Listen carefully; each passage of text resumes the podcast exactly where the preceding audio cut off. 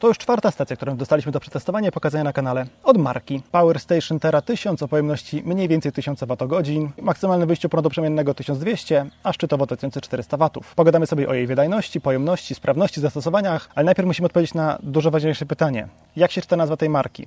Myślałem, że Zomaj, Siomaj. Tymczasem odpowiedź jest dużo ciekawsza i dużo zabawniejsza.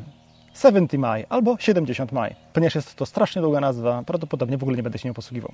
Jak wspomniałem, to jest czwarta z kolei stacja, którą testujemy na kanale. Odnośniki do poprzednich materiałów są w opisie pod filmem, żebyście mogli sobie porównać. Nie ma tutaj w zasadzie funkcjonalności czy funkcji, których nie miałyby poprzednie urządzenia, bo tego typu standard, że jest urządzenie z przetwornicą, akumulatorami, e, kilkoma gniazdkami USB, gniazdem USB-C, gniazdami z prądem przemiennym, to jest w tej chwili standard. Urządzenia różnią się między sobą w zasadzie szczegółami, wyglądem, pojemnością, mocą. Jeśli chodzi o pojemność, to mieści się mniej więcej w środku stawki. Najmniejsze urządzenie, które testowałem, miało 720 Wh pojemności, największe miało 2 kWh pojemności. Zacznę o tym opowiadać, ale najpierw włączę sobie grzanie wody, bo kupiłem specjalnie do celów e, różnego rodzaju testów płytę indukcyjną, taką małą przenośną płytę indukcyjną.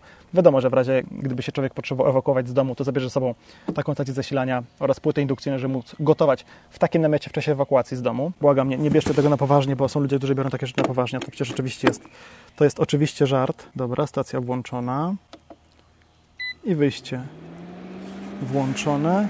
Zapiszczała płyta! Nie jest to bardzo lekkie, ale jedną ręką można przenosić. Dobra, płytę włączamy. Płyta ma wydajność maksymalnie 2000 watów, ale nie będziemy tyle ciągnąć. W tej chwili jest 1200 watów, spróbujemy dać więcej. 1400, 1600, dobra, dajmy ten 1200.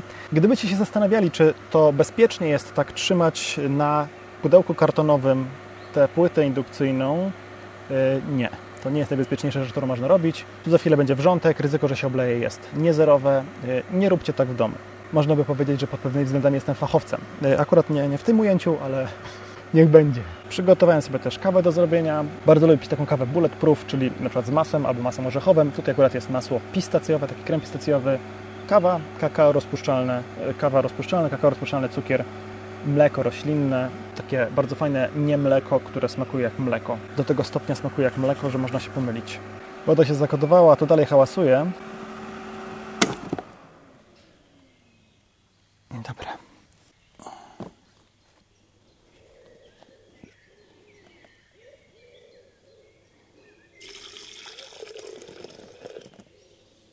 Oczywiście zalałem sobie stół z pudełka. Drugi element to blender, ponieważ te, to masło orzechowe trzeba zblendować.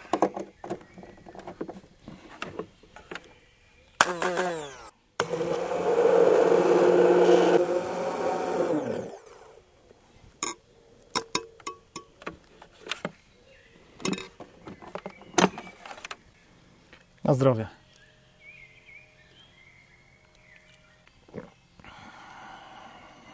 Dobra, Przejdźmy na chwilę do parametrów. Ja to będę czytał, bo nie uczyłem się tego na pamięć. Mamy tak, pojemność 1043 Wh, na wyjściach USB maksymalnie 18 W, tych zwykłych, na wyjściu typ C z funkcją Power Delivery nawet 60 W.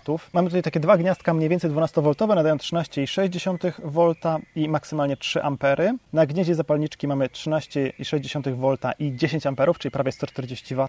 Wreszcie na wyjściach prądu przemiennego mamy maksymalnie 1200 W, chwilowo 2400. Tyle jeśli chodzi o wyjście z tego urządzenia. A jak możemy je ładować? No tutaj z tyłu jest, taka, jest takie po prostu gniazdko, które wpina się takie zwykłe, standardowe, zasilaczowe kable od, jak od komputera co oznacza, że cała przetwornica do ładowania tego urządzenia jest w środku. Czy to dobrze, czy niedobrze? Odpowiedź brzmi, to zależy. Dobrze, bo nie musisz pamiętać o kolejnej rzeczy, którą trzeba zabrać. Jak zapomnisz, to taki kabel kupisz byle gdzie albo powiesz, od sąsiada. Źle, bo przenosisz to za każdym razem w środku tego urządzenia. A zasilacz osobny być może zostawiłbyś w domu, jadąc na niektóre wyjazdy. Ale może też właśnie wtedy byłaby to wada, że zostawisz w domu i okaże się to niezbędne. Ja mam mieszane uczucia, bo część tych urządzeń, które testowałem, ma wbudowany zasilacz, część ma zasilacz osobny. Obydwa rozwiązania mają swoje wady i zalety. Mamy tutaj również lampki.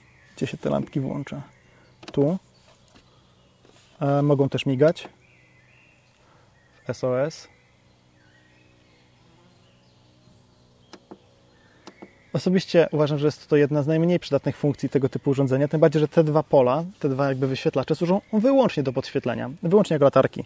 No ale moje rozumienie tego jest takie, że no już skoro zrobiliśmy urządzenie za parę tysięcy złotych, czemu nie dołożyć takiej prostej funkcji, która w razie czego też ma jakieś zastosowanie, nie? Nie wiem, czy wystarczy tego światła, żeby wymienić koła na przykład przy samochodzie, ale z całą pewnością wystarczy go, żeby postawić sobie to na stole w kuchni i coś przy tym czytać. Może nie bardzo małe literki, może nie jak ktoś ma słaby wzrok, ale czytać, napisać coś na kartce jak najbardziej będziemy w stanie. E, możemy tutaj za pomocą tego urządzenia ustawić, żeby automatycznie wyłączało się, kiedy nie ma odbioru prądu, czyli mamy jakieś urządzenie na przykład, które ma pracować przez jakiś konkretny czas, żeby nie marnować prądu na podtrzymanie wszystkich tych przetworni, całej tej elektroniki w środku, żeby oszczędzać prąd. Tu możemy z kolei ustalić w kolejnym polu, czy ma być ładowanie szybkie, czy wolne i jakieś tam ustawienia, timer do wyłączania, timer e, do włączania. Tych opcji nie ma jakoś szczególnie dużo, więc się pogubić w panelu sterowania za bardzo nie można. Urządzenie ma też możliwość współpracy z telefonem, dzięki czemu możemy sobie podglądać jego pracę albo wyłączać i włączać zdalnie z użyciem telefonu komórkowego, co wydaje się być całkiem fajne. Dostałem do tego, do przetestowania razem z tą, e, z tą stacją, ten oto składany panel fotowoltaiczny marki 70 Maj. On się nazywa Stacja 70 Maj Portable Solar Panel 110. I czekajcie, obrócę sobie to inaczej, żeby móc czytać. Ma ona wydajność 110 W, a w tej skrzyneczce która jest tutaj, ma również dwa gniazdka USB, żeby można było ładować coś bezpośrednio z tego, bez odpalania tej przetwornicy, bez straty prądu. Super rozwiązanie. I w tej kieszeni mieszczą się wszystkie kable. Składa się ten panel fotowoltaiczny z dwóch segmentów. Testowałem, daje rzeczywiście 110 W. Dlaczego mówię rzeczywiście? Bo moc paneli fotowoltaicznych podaje się z dolnym indeksem P. Ja o tym kiedyś mówiłem, ale powtórzę dla osób, które tego nie widziały. Dolny indeks P oznacza, że to jest moc maksymalna, peak power, dla odpowiedniego nominalnego nasłonecznienia. 1000 W na metr kwadratowy, odpowiednie parametry atmosfery, odpowiednia temperatura, a zatem jeśli jest na przykład cieplej, jeśli panel się nagrzeje, daje mniej mocy, jeśli słońca jest mniej, daje mniej mocy, to jest oczywiste, dawał dokładnie tyle, ile powinien. Naładowanie za pomocą tego jednego panela tej stacji będzie trwać bardzo długo, ponieważ 9 godzin, nie? albo nawet troszkę dłużej, w zależności od tego, jaka będzie sprawność. Patrząc na to, jaką on może, jak, z jaką on mocą może być ładowany, jeśli chodzi o ładowanie po stronie prądem stałym, to jest maksymalnie 200 W albo 10 A przy napięciach 12-27, czyli można panele dostosowane do instalacji 12 i do instalacji 24V raczej też podpiąć. Zakładam, że pracują przy napięciu 27 V. To by trzeba było sprawdzić. Będzie to istotne, jeśli chodzi o łączenie tego typu paneli, czy łączyć je szeregowo, czy łączyć je równolegle. Jeśli chodzi natomiast o ładowanie prądem przemiennym, to maksymalnie 880 W. Chyba nie doszliśmy do poziomu 880 W, tylko tam bardziej 700-800 W i tak jest to dosyć sporo. Niecałe dwie godziny się stacja ładuje w trybie szybkiego ładowania. W trybie wolnego nie sprawdzałem, bo było mi szkoda czasu. Z panelami fotowoltaicznymi problem jest taki, że jak zachodzi słońce, to one przestają produkować prąd. I to jest zupełnie zrozumiałe. Ale one nie będą też produkować za bardzo prądu, kiedy ich część jest w jakiś sposób zasłonięta. Chciałem Wam pokazać, że to gałązki zasłaniają i ile to produkuje prądu, ale zaszło słońce i w ogóle nie produkują. Chociaż zobaczmy. 9 watów. Takie ledwo słońce przez chmury daje 9 watów, czyli poniżej 1 ampera. Co możemy też sprawdzić, ponieważ dorobiłem się nowego miernika. To jest miernik cęgowy, czyli wystarczy złapać kabel, jeden przewód i jest w stanie pomierzyć, jak widać, również prąd stały i patrzymy. No widać, że jakby dokładność pomiarowa, to nic nie wsadziłem. Dokładność pomiarowa jest taka se. Ale jeśli to może mierzyć 600 amperów, to nic dziwnego, że ma taką dokładność. 40 ampera. A tu 10, 9, 10 watów. No to mniej więcej pół ampera przy 20 V rzeczywiście powinno być. Widzicie, że słońce wyszło trochę. 37, 31, 25, 26. Teraz znowu więcej słońca. 41 watów, 40. Im więcej słońca, tym więcej odbija się w tym wyświetlaczu, tym mniej widać. 113, czyli przekroczyliśmy nominalne 110 watów. To miło. A ten miernik, dam go tutaj do cienia, żebym go był w stanie odczytać. A miernik pokazuje nam 6 amperów prawie, 5,8. I tę wydajność udaje się nam osiągać mimo faktu, że tutaj tutaj kawałek y, jest zasłonięty, taki cień jest mały od gałązki. Ale najwyraźniej to taki mały cień nie przeszkadza. Jak natomiast stanął tu, cicho tam, stanęłabyś tu na chwilę, bo mi się nagrywa. Stań tak, żeby zasłaniać głową jeden z tych, jeden z cały ten taki segment, co? Tutaj taki cały segment jakbyś głową zasłoniła. Yy, za dużo. O, dobra. No i od razu spada moc. Weź zejdź całkiem. 108 watów, dobra. 109, a weź zasłoń teraz. 63. A weź zasłoń teraz y, ten i ten sąsiedni po lewej stronie. Na zdrowie. Ale jednocześnie? Tak. Ręką muszę przezesłonić. O. 63. Zrób dwa kroki do przodu. O. Dalej 60 watów. Weź teraz jeszcze jeden krok do przodu. Jeden krok w lewo. Jeszcze jeden. Dobra. Teraz zasłaniasz praktycznie cały panel i tu dalej jest 60 watów. Tak jakby ten panel w ogóle nie dawał prądu, kiedy tylko zasłaniasz jeden jego segment, nie? E, A teraz ciekawostka. E, Panel fotowoltaiczny ustawiony był dobrych kilka godzin temu. Jak widać, to drzewo pokazuje kierunek padania promieni słonecznych, czyli jest prawie pod kątem prostym do tego panela. Panel jest też dosyć mocno nachylony do poziomu. I ile w tej chwili wytwarza prądu? Sprawdźmy. 30 watów, 20 kilka, prawie 30% nominalnej mocy.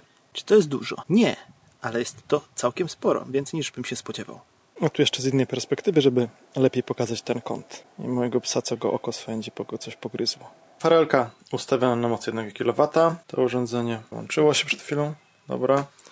Włączone. Odpalamy.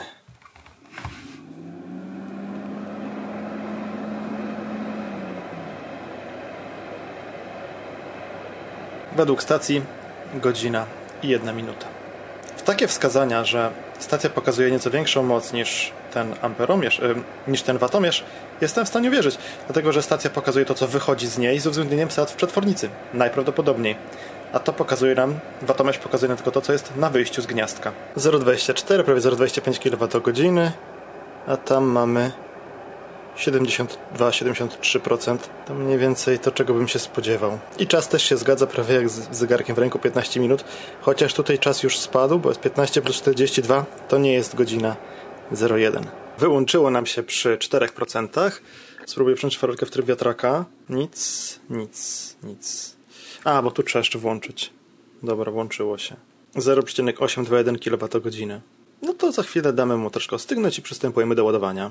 Nie pamiętam, czy już Wam to pokazywałem, więc pokażę jeszcze raz. Razem z urządzeniem dostajemy takie oto dwa ładne kable. Jeden do samochodowej zapalniczki z wejściem do któregoś z tych gniazdek tutaj, a drugie z normalną wtyczką do wpięcia w obudowę i ładowania. Będziemy zatem ładować. Watomierz zresetowałem. Na razie listwa jest wyłączona, żeby łatwiej było nam tym sterować. Kabel jest już podłączony. Odpalamy ładowanie.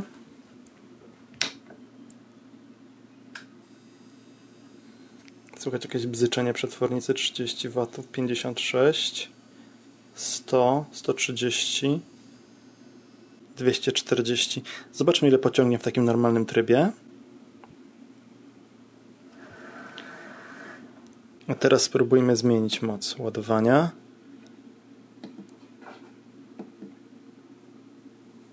Żeby ładowało się dużą mocą. To jest fajne, jeśli mamy do dyspozycji różne urządzenia do ładowania. Na przykład mamy przetwornicę 12 na 230 albo agregat małej mocy. No to ładujemy małą mocą. A jak mamy więcej mocy, to przełączamy i ładujemy większą mocą. Ta, ta opcja wyboru mi się bardzo podoba. 730 W, półtorej godziny. No to zobaczymy. Trochę zabawna jest dla mnie ta rozbieżność. Tu jest 730 W, tutaj jest 710. Minęła nieco ponad godzina, dalej ciągnie prawie 800 W i mamy 82% naładowania. Ładowanie się już kończy, jest 100%, ale ciągle bierze jakieś 100, albo 114 czy 140 W. Ładowanie się zakończyło, yy, mamy 100%, tu mamy jakieś 70 W, 2 godziny, 1 i prawie 1,1 kWh.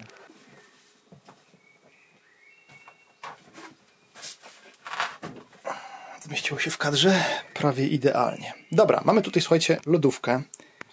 Polar 135.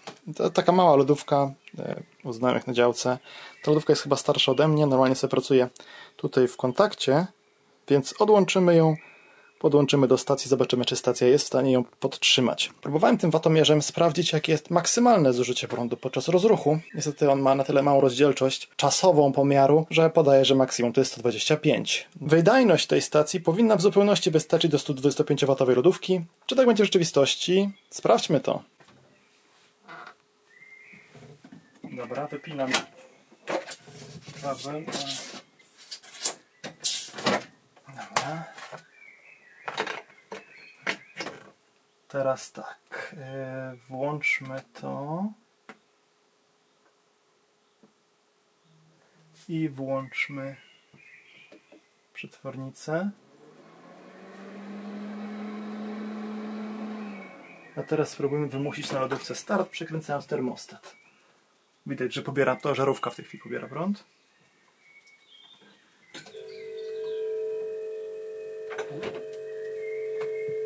Nawet momentami 360. No ale działa. Czy teraz zarejestrowało maksimum?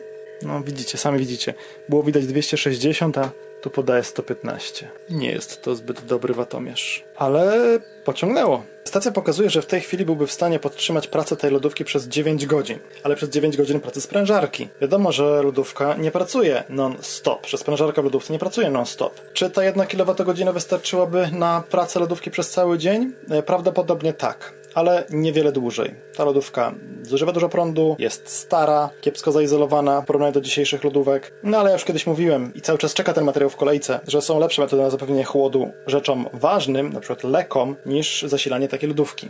No i co? I lodówka się wyłączyła, zużyło nam to 2% baterii, 300 kWh. Niech se to jeszcze pochodzi trochę zobaczymy, jak będzie dalej. Trochę wody w Wiśle upłynęło, czasu też, widzicie godzina 20, ale żeby nam to dostarczyło jakichś nowych informacji, które byśmy nie wiedzieli, nie mogę powiedzieć. W dalszym ciągu maksymalna moc, jaką tutaj rejestrowało urządzenie jest 115 W. Myślałem, że działa to jakoś inaczej. No nic, dobra, to wyłączamy. Jeszcze raz włączymy. 460 W to było widać, spróbujmy to jeszcze raz zarejestrować. 690. Uuu. 766. Dobra, dość, bo mam wrażenie, że to się może popsuć ta lodówka. Już mnie tu nigdy nie zaproszą, jak ją popsuję. Dobra, jeszcze raz zrób powyżej 500 watów i kończymy. Widzieliście to? Po pierwsze, yy, dlaczego nie mierzysz poprawnie maksymalnej mocy? No, mordo. 115, no mówię. Oczywiście nabijamy się, nie? Przecież nikt nie będzie korzystał z takiego urządzenia do gotowania w sytuacji awaryjnej. Po co się kupuje takie urządzenia? W moim odczuciu, przygotowując się na sytuacje awaryjne, kupuje się w dwóch celach. Po pierwsze, po to, żeby w sytuacji awaryjnej, w razie braku prądu, móc coś, jakieś domowe urządzenia zasilić, pompkę centralnego ogrzewania, komputer, koncentrator tlenu, cokolwiek ta osoba uważa za potrzebne. Dlaczego pompkę CO? To oczywiste, no po to, żebyśmy mieli ciepło w domu w zimie, gdy zabraknie prądu. Koncentrator tlenu też jest to, to oczywiste.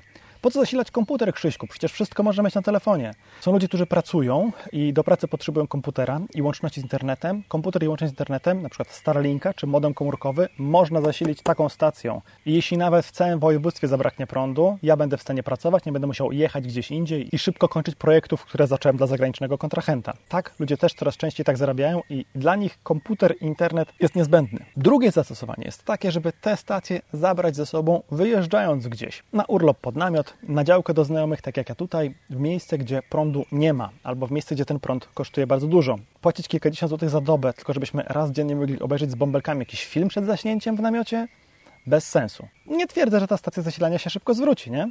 Bo w tym ujęciu zwróci się pewnie po kilku latach takiej eksploatacji, więc raczej nie można powiedzieć, że ona się opłaca. Oczywiście będą komentarze na zasadzie Krzyśku, to jest strasznie drogie, dlaczego nie pokazujesz tańszych urządzeń? Tego typu tańszych stacji za bardzo nie ma. No, to musi swoje kosztować, bo to jest elektronika, plastik, ktoś to wymyślił, ktoś to zbudował, wszystkie elementy w całość połączył, przetestował i daje gwarancję, że to będzie działać. Można zrobić układ, który ma taką samą wydajność, taką samą pojemność, może na akumulatorach innej technologii, może ten zestaw będzie przez to większy, cięższy, może będzie się musiał dłużej ładować, ale będzie mieć taką samą wydajność. Trudno jest natomiast w dużo niższych pieniądzach zrobić coś, co ma porównywalne parametry pod kątem wyjścia i pod kątem wejścia. Dlaczego wejście ma takie znaczenie w sytuacjach awaryjnych? Bo jeśli będziemy stosować to jako takie serce domowego systemu zasilania, całego domu to, to nie zasilimy, nie? Ale serce, z którego będziemy zasilać nasze najważniejsze domowe urządzenia. Pompkę CO, koncentrator tlenu dla babci, a następnie będziemy to urządzenie ładować z różnych źródeł. Z przetwornicy podłączonej do samochodu przy pracującym silniku, z takiego panela fotowoltaicznego, z agregatu prądotwórczego. To to, że urządzenie może odbierać prąd z dużą mocą, czyli ładować się krótko, szybko, zużywając mało paliwa przy pracy agregatu, to są wszystko cechy korzystne. Może to na przykład działać w ten sposób, że odpalamy tę stację wieczorem, kładąc się spać, ona przez całą noc pracuje, pracuje. Następnie rano odpalamy agregat na 2 godziny, ładujemy. Przy okazji, korzystając z tego, że agregat jest uruchomiony, odpalamy coś jeszcze. Następnie agregat wyłączamy, to sobie znowu pracuje przez jakieś tam 8, 10, 12 godzin i znów wieczorem powtarzamy dokładnie tak samo. Czyli pracujemy jak okręt podwodny. Trochę na silnikach, trochę na akumulatorach. Ależ to jest dobre. Smakuje jak taki jak takie dobre deserowe ciasto. Na przykład przez ten krem pistacjowy. To, co mi się w tym zestawie podoba, to ten panel fotowoltaiczny i fakt, że on się składa z dwóch elementów, przez co się go łatwiej i szybciej rozkłada. Czasami są takie zestawy składające się z trzech segmentów, które rozkłada się troszkę, troszkę dłużej, troszkę trudniej. I to, że jest to takiej gotowej do noszenia walizeczce. To nie jest jeszcze w jakiejś torbie czy w jakimś etui, z którego trzeba to potem wyjąć, rozłożyć, tylko od razu rozkładam i już wyciągam kable, podłączam i wsadzam do y, urządzenia. Co jest y, dla mnie ważne, jest tutaj zupełnie inny standard tych przejściówek do stacji niż w poprzednich urządzeniach, z których korzystałem. Tam były takie złączki modelarskie, a tu jest takie coś. To ma jakąś swoją nazwę, podam jak to się nazywa, bo ja sam teraz nie pamiętam. Z drugiej strony oczywiście sam panel fotowoltaiczny ma te konektorki w takim fotowoltaicznym standardzie. To znaczy, że możemy tutaj podłączyć również inne panele fotowoltaiczne innego producenta albo te panele fotowoltaiczne podłączyć do innego urządzenia. Czyli na przykład ktoś ma instalację fotowoltaiczną na dachu, podłączoną do inwertera w domu, kupuje sobie taką stację i wyprowadza z dachu dodatkowy komplet kabli podłączonych do jednego czy dwóch paneli. Patrząc na, na moc, to raczej do jednego. Może niekoniecznie jednego, może właśnie dwóch. Na kiepską pogodę to może dwóch podłączonych szerego, równolegle. Nie chcę tutaj teraz zmyślać, ja nie sprawdzałem tego. Zanim to będziecie chcieli zrobić, zapytajcie producenta albo pomoc techniczną, żeby sobie tego urządzenia nie zniszczyć. W każdym razie zostawiamy sobie na dachu część instalacji fotowoltaicznej z wyprowadzonym drugim kompletem kabli, który gdzieś sobie wisi na poddaszu i potem w razie czego, kiedy nie ma prądu i nasz inwerter pozbawiony możliwości pracy w trybie wyspowym nie działa, czyli nikt nie ma prądu, także i my, podłączamy te dwa panele fotowoltaiczne do stacji i przynajmniej do części domowych urządzeń możemy prąd dostarczyć. Albo idziemy do sąsiada i odkupujemy od niego, czy pożyczamy od niego chwilowo z dachu jeden panel, odkręcamy, demontujemy, podłączamy i mamy my prąd i ma sąsiad prąd. Może sobie podładować swoje urządzenia, latarki i tak dalej. Czy to jest urządzenie dla każdego? Nie. Jego największą wadą jest to, że jest po prostu drogie to nie powinien być pierwszy zakup, jeśli potrzebujecie się przygotować na brak prądu. Ale jeśli już macie na przykład przetwornicę albo mały agregat, to to rozwiązanie może być całkiem niezłe. Jako kolejna warstwa przygotowań na brak prądu. Kolejne rozwiązanie, z którego będziecie korzystać również na co dzień. Z agregatu się nie korzysta na wyjazdach. Znaczy można, no. Można być wieśniakiem, przyjechać na pole namiotowe i odpalić sobie agregat, żeby wszystkim zatruwać życie hałasem i spalinami. Można taką stację odpalić pohałasuje tylko troszkę przy największej wydajności. Nikomu nie powinna przeszkadzać to, że stoi rozłożony panel fotowoltaiczny i się ładuje. Gdybym miał to urządzenie ocenić, to na 5 gwiazdek dałbym 5, ponieważ uważam, że w pełni dowozi wszystko to, co producent deklaruje. Nie znalazłem tu jakichś odstępstw od deklarowanych parametrów. Urządzenie jest ciężkie, co wymusza jakby jego konstrukcja. Jest sporym klockiem, no bo gdzieś te akumulatory i ta cała elektronika musi się zmieścić. Ale działa, robi robotę, jeśli szukacie na przykład jakiejś awaryjnej stacji zasilania, która sobie może jeździć w samochodzie, być ładowana z gniazdozapalniczki na wyjazdach, a w razie czego przyniesiecie ją do domu, żeby mieć prąd dla domowych urządzeń, jak najbardziej to urządzenie te funkcje wszystkie spełnia.